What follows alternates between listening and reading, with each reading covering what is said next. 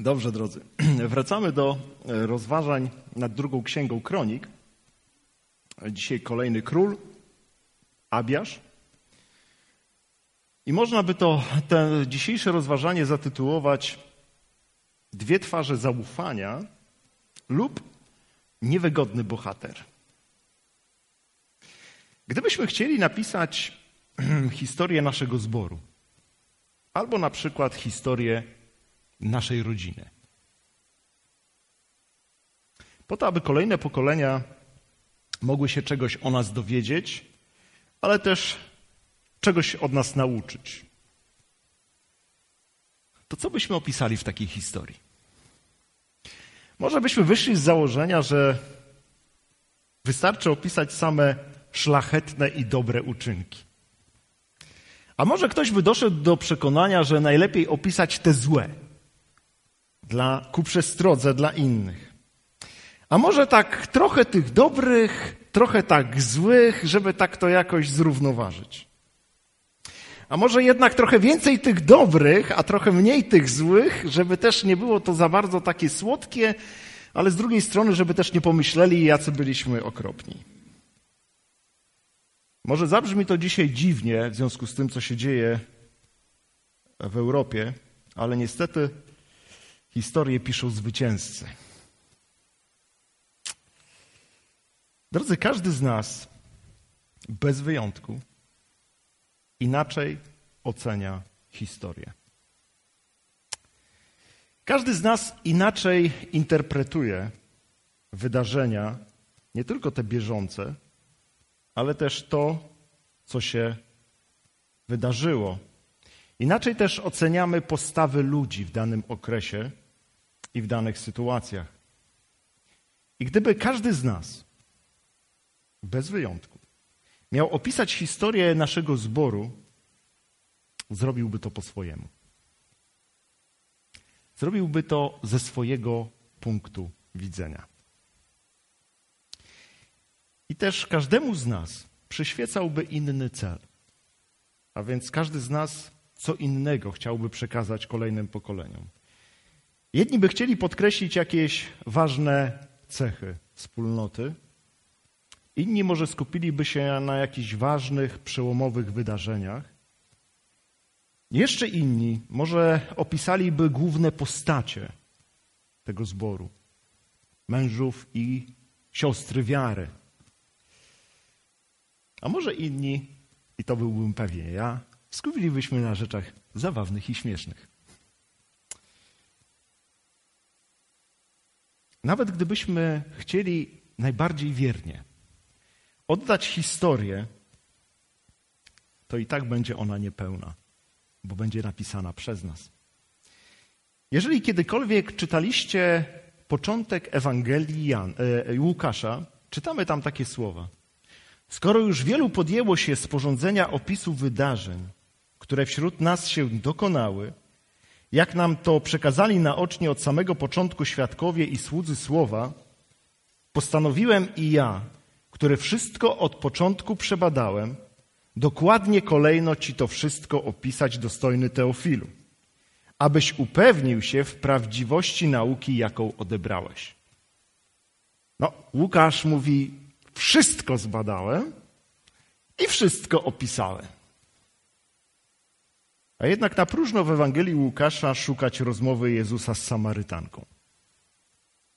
Nie znajdziemy tam też tego opisu o krzewie winnym i wielu, wielu innych.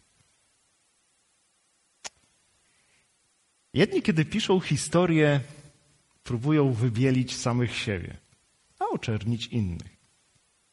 Inni natomiast zrobiliby dokładnie na odwrót.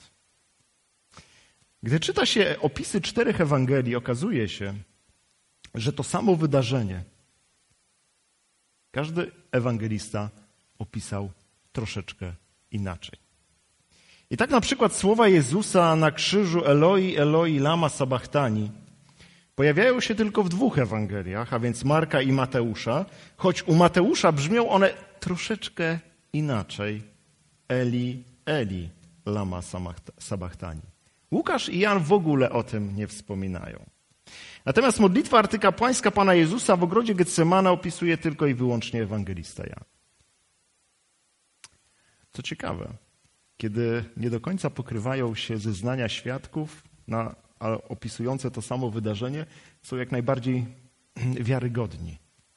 To znaczy, że nie ustalili tego, jak to należy opisać. Dlaczego tak się dzieje, że w Ewangeliach widać pewne różnice?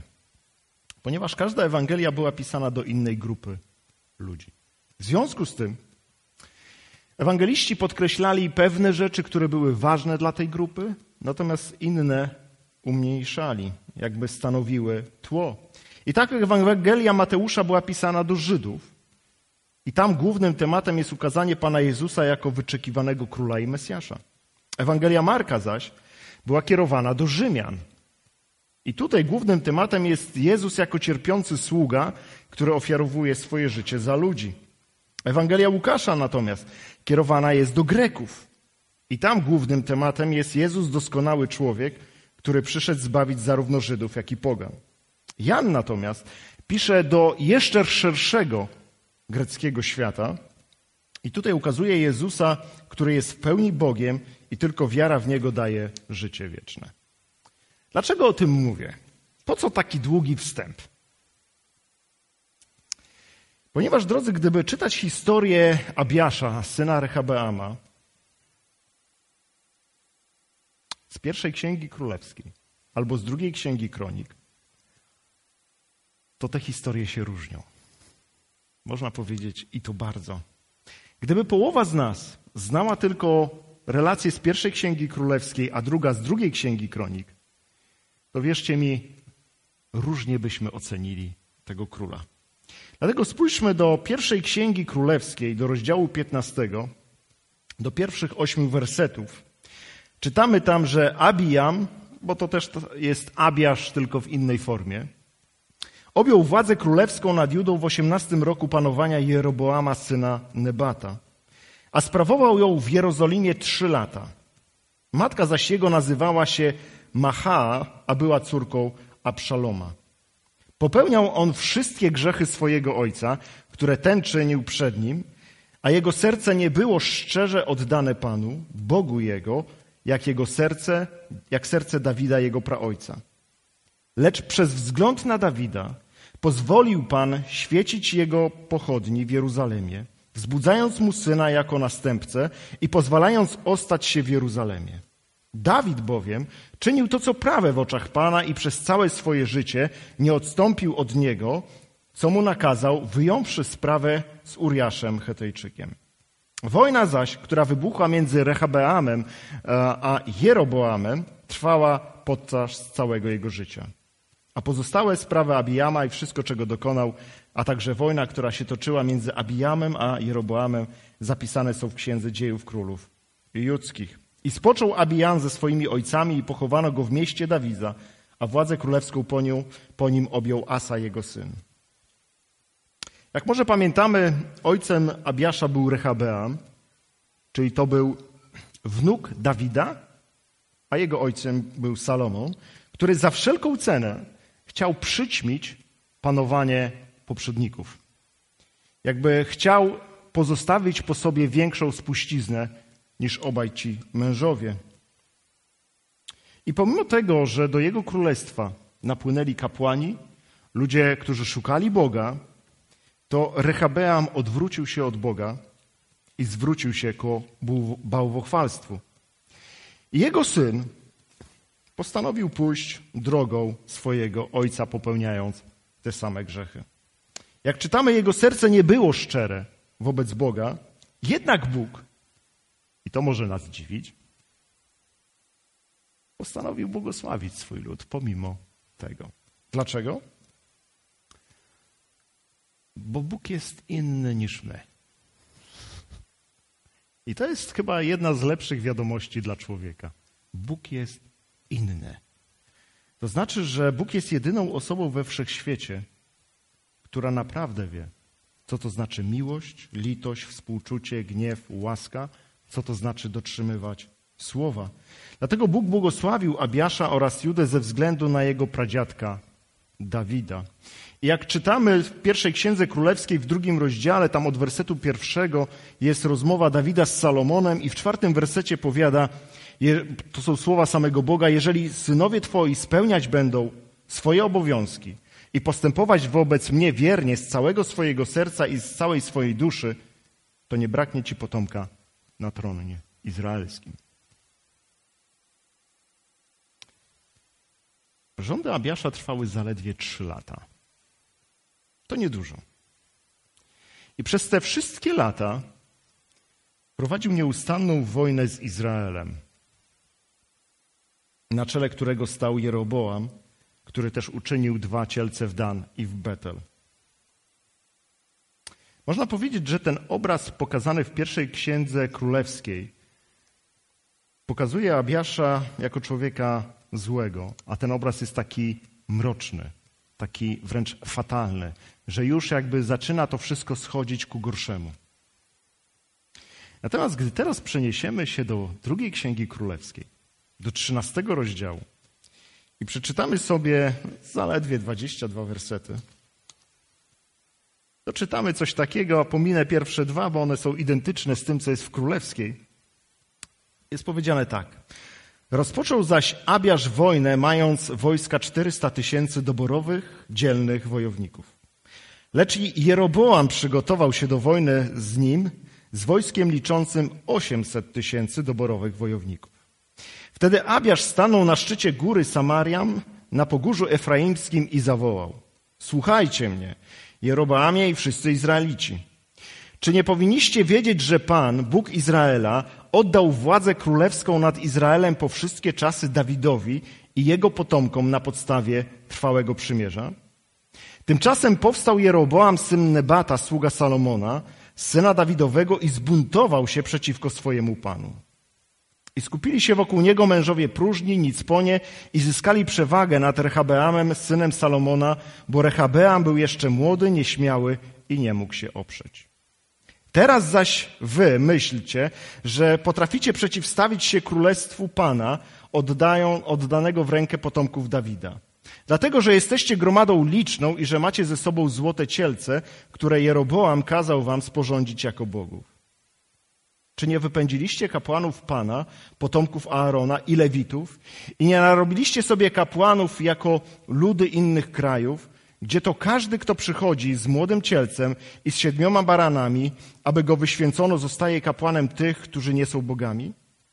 U nas natomiast jest naszym Bogiem i my nie opuściliśmy go, a kapłanami sprawującymi służbę dla Pana są potomkowie Aarona, a także Lewici spełniają swoje czynności. Składają oni Panu co poranek i co wieczór ofiary całopalne i kadzidlane z wonnych rzeczy, rozkładając chleby pokładne na stole z czystego złota, dbając o szczerozłoty świecznik z jego lampami, aby świecił co wieczór, gdyż my przestrzegamy przepisów Pana, Boga naszego, wy natomiast opuściliście go. Tak więc za nami na czele jest Bóg i jego kapłani z surmami bojowymi, aby zagrać pobudkę do, bojowego, do boju przeciwko wam. Synowie izraelscy, nie walczcie z Panem, Bogiem waszych ojców, gdyż nie powiedzie się wam. Tymczasem Jeroboam przeprowadził zasadzkę z tyłu i tak, iż byli przed Judejczykami, a zasadzka była za nimi. Gdy się Judejczycy obejrzeli, znaleźli się w boju z przodu i z tyłu. Zaczęli więc wołać do Pana, a kapłani zadeli w trąby. Wtedy Judejczycy wydali okrzyk bojowy. Skoro tylko Judejczycy wydali okrzyk bojowy, Pan pobił Jeroboama i całego Izraela wobec Abiasza i Judejczyków. Synowie izraelscy uciekli więc przed Judejczykami i Bóg wydał w ich ręce. Wtedy Abiasz i jego wojownicy urządzili wśród nich wielką rzeź i padło z Izraela 500 tysięcy doborowych wojowników. Tak to zostali wtedy synowie izraelscy upokorzeni, a Judejczycy zyskali przewagę, gdyż polegali na Panu, Bogu swoich ojców. Potem Abiasz puścił się w pogoń za Jeroboamem i zdobył na nim następujące grody. I dalej jest mowa o tym, co zdobył. Inny opis człowieka, prawda? Jakże różny. Można powiedzieć, że tutaj, w drugiej księdze kronik, Abiasz to człowiek ufający Bogu. I drodzy, myśląc nad tym, jak tą sprzeczność pogodzić, doszedłem do wniosku, że mamy tutaj w drugiej księdze kronik opis tylko jednej bitwy. Prawdopodobnie była to pierwsza bitwa Abiasza z wielu, które toczył przez całe trzy lata.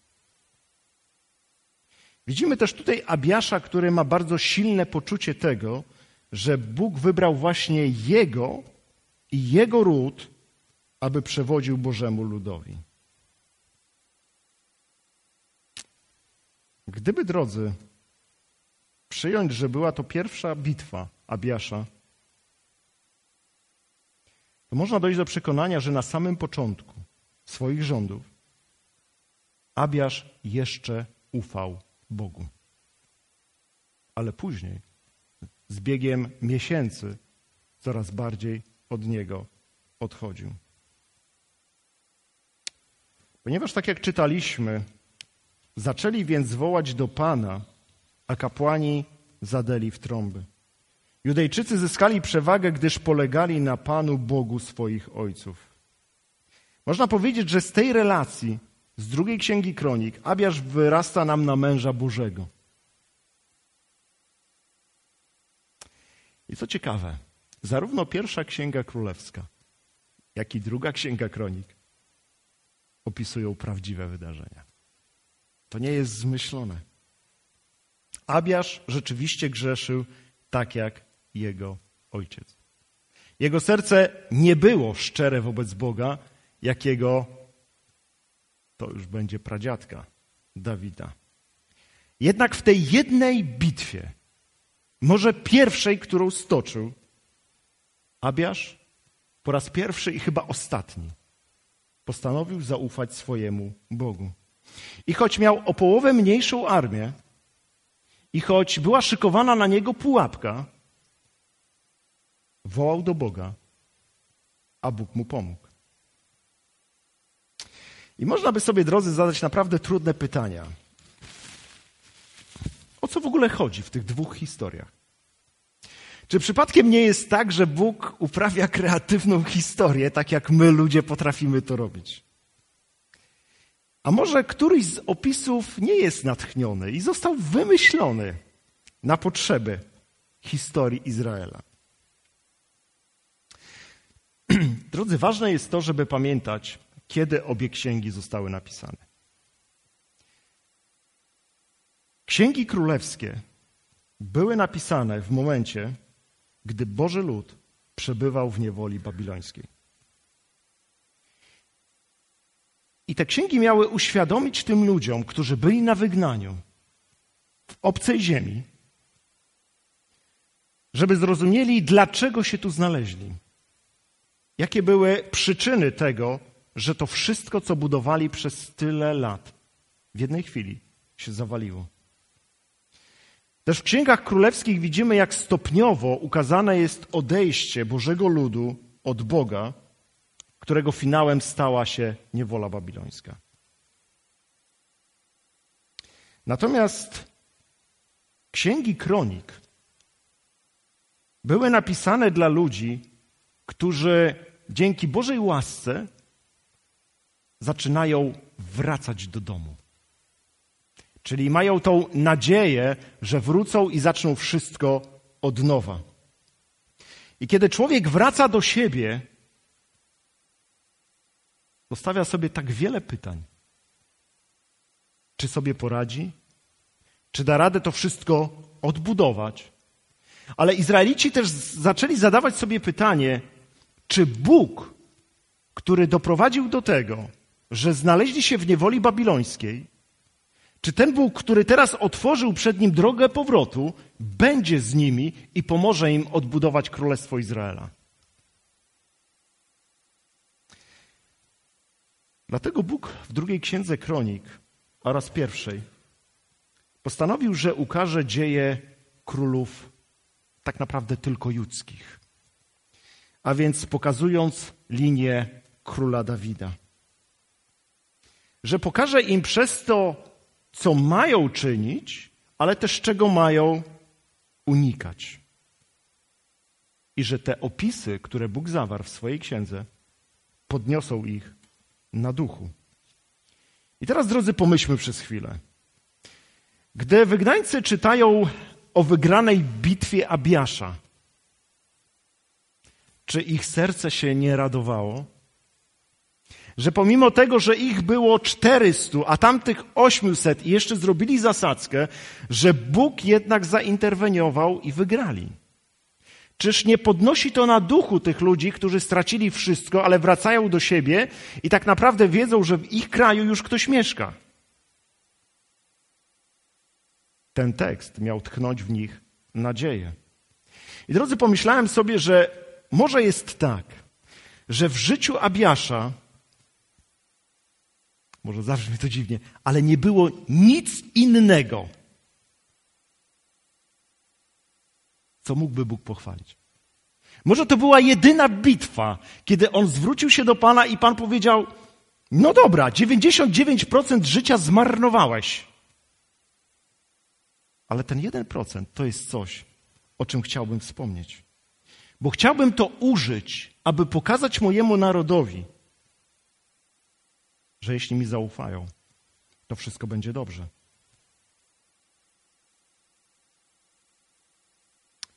Ta bitwa nabiera też innego znaczenia, kiedy powrócimy do historii Rehabeama, a więc ojca Abiasza. Jak pamiętacie, Rehabeam postanowił umacniać miasta, ale nie na północy, żeby bronić się przed Izraelem, ale na południu, aby bronić się przed najazdem Egipcjan. Natomiast to, co mówiliśmy już wcześniej, że gdy królestwo Rehabeama utwierdziło się, on zaś sam stał się potężny, porzucił zakon pański, a wraz z nim cały Izrael. W piątym roku panowania Rehabeama zdarzyło się, że Szyszak, król Egiptu, najechał na Jeruzalem, dlatego że sprzeniewierzyli się Panu. I dalej Bóg mówi, wy porzuciliście mnie, przeto i ja odrzuciłem was i wydałem was w rękę Szyszaka, faraona Egiptu. Rehabeam przegrał, ponieważ postanowił zaufać tylko i wyłącznie sobie, swojej sile. Rehabeam pokładał nadzieję w wojsku, ale też w tych warownych miastach, które miał, a nie w Bogu, a pomimo tego, jak wiele funduszy w to włożył, to i tak Egipcjanie przyszli i przeszli. Abiasz natomiast wygrał bitwę, pomimo tego, że jego armia była dwa razy mniejsza. Dlaczego? Bo jak czytaliśmy, zaczęli więc wołać do Pana, gdyż polegali na Panu Bogu swoich ojców. Może po raz pierwszy i ostatni. Abiasz zaufał Bogu. Ale jednak Bóg postanowił wykorzystać to dla swojej chwały i dla swoich planów. To może jedyną rzecz dobrą w jego życiu. I drodzy, kiedy ludzie wracają z niewoli i słyszą tą historię, wiedzą, że lepiej zaufać Panu niż zaufać sobie że bez względu na to, jak wielu jest waszych przeciwników, zaufajcie mi, bo ja jestem Bogiem. I co ciekawe, kiedy czyta się księgę Nehemiasza, mamy tam Izraelitów, którzy już wrócili i którzy próbują odbudowywać mury Jerozolimy. Wszyscy są im przeciwni. A jednak oni postanawiają uchwycić się Boga i z jednej strony modlić się o ochronę, a z drugiej strony ciężko pracować. I Bóg nagradza to. Że lud, który wyszedł z niewoli babilońskiej, wie, że musi zaufać i to robi. Pomimo tego, że jest ich mniej, pomimo tego, że wrogów jest mnóstwo, ale postanowili się tego uchwycić. W Psalmie 20 czytamy, że jedni chlubią się wozami drudzy końmi, lecz my chlubimy się imieniem Pana, Boga naszego. Zadrżały im kolana i upadli, lecz my stoimy i trwamy. Drodzy, możemy nasze zaufanie położyć w naszej sile i naszej mądrości. Któż nam zabroni? Możemy też nasze zaufanie położyć w dobrach tego świata. zaufać też ludziom, znajomościom. Ale jak czytamy u proroka Jeremiasza, przeklęty mąż, który na człowieku polega i z ciała czyni swoje oparcie, a od Pana odwraca się jego serce. Jest on jak jałowiec na stepie i nie widzi tego, że przychodzi dobre. Mieszka na zwietrzałym gruncie na pustyni, w glebie słonej, niezaludnionej. Możemy zaufać sobie. Tylko, że efekt będzie zawsze ten sam. Na początku może będzie dobrze, ale później skończy się znowu źle. A Bóg przez tą historię chce powiedzieć, bez względu na to, co się dzieje, połóżcie swoje zaufanie we mnie. Bo tylko wtedy będziecie w stanie się ostać. Jak czytamy w księdze Jeremiasza w tym samym rozdziale, błogosławiony mąż, który polega na Panu i którego ufnością jest Pan. Jest on jak drzewo zasadzone nad wodą, które nad potok zapuszcza swoje korzenie, nie boi się, gdy upał nadchodzi, lecz jego liść pozostaje zielony i w roku posłuchy się nie frasuje i nie przestaje wydawać owocu. Ja wiem, że trudno jest zaufać Bogu, kiedy mamy możliwości podziałać samemu. Ale Bóg mówi, po co? Drodzy, kiedy czyta się całe Słowo Boże, nagle dochodzimy do przekonania, że tylko Bóg potrafi zatrzymać słońce, jeśli chce. Że tylko Bóg tak naprawdę jest w stanie wstrząsnąć ziemią, królestwami, a nawet pojedynczym człowiekiem, jeśli tylko tego będzie chciał. To tylko Bóg jest jedyną osobą we wszechświecie, która tworzy coś z niczego. Albo powołuje z martwych to, co umarło. To tylko Bóg tak na dobrą sprawę potrafi zło obrócić ku dobremu. Albo zamknąć coś tak, że nikt tego nie otworzy, lub otworzyć tak, że nikt tego nigdy nie zamknie. Dlatego, drodzy, nauka, jaka płynie z tej historii Abiasza, jest taka. Bez względu na wszystko, co przechodzimy w naszym życiu, trzymajmy się Boga do końca naszych dni. Nawet jeżeli wszystko się wali dzisiaj i nie widać perspektywy na jutro. Bo rodzi się pytanie, a jaką masz, jakie masz inne wyjście? Inną alternatywę?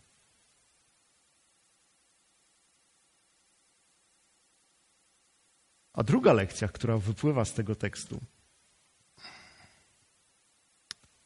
Nie spieszmy się z ocenianiem ludzkiego życia.